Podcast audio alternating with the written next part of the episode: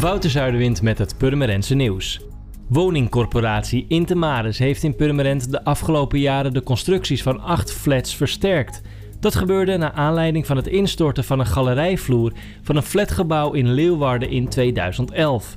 De gemeente gaf de woningcorporatie opdracht onderzoek te doen naar 25 soortgelijke galerijflats in Purmerend. In acht gevallen bleek uit onderzoek dat er corrigerende maatregelen nodig waren om de constructie te versterken. Laat het college van burgemeesters en wethouders weten in een eindrapportage aan de gemeenteraad.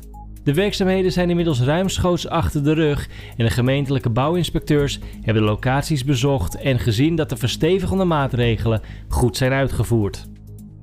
Wethouders Eveline Tijmstra en Paul van Meekeren hebben gisteren namens de gemeente Purmerend afspraken gemaakt met de middelbare scholen Anthony Gaudi, Nelson Mandela en Gerrit Rietveld om zelf het schoolplein en de omgeving schoon te houden. Sectordirecteur VMBO René Visser ondertekende namens de Purmerendse scholengroep.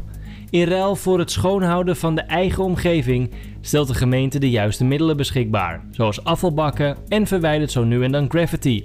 Daarnaast krijgen de scholen gastlessen over zwerfvuil. De gemeente heeft al vergelijkbare afspraken gemaakt met andere scholen in de stad. En de eerste etage van het Purmerends Museum staat vanaf 11 december tot en met 12 januari in het teken van kerst en het kerstverhaal. Want daar staan dan een hele reeks kerststallen en miniatuurkerstbomen uitgestald.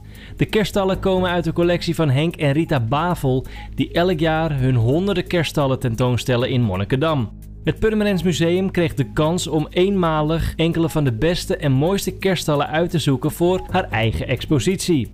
Tijdens de tentoonstelling kunnen kinderen zelf ook aan de slag om kerststallen te maken.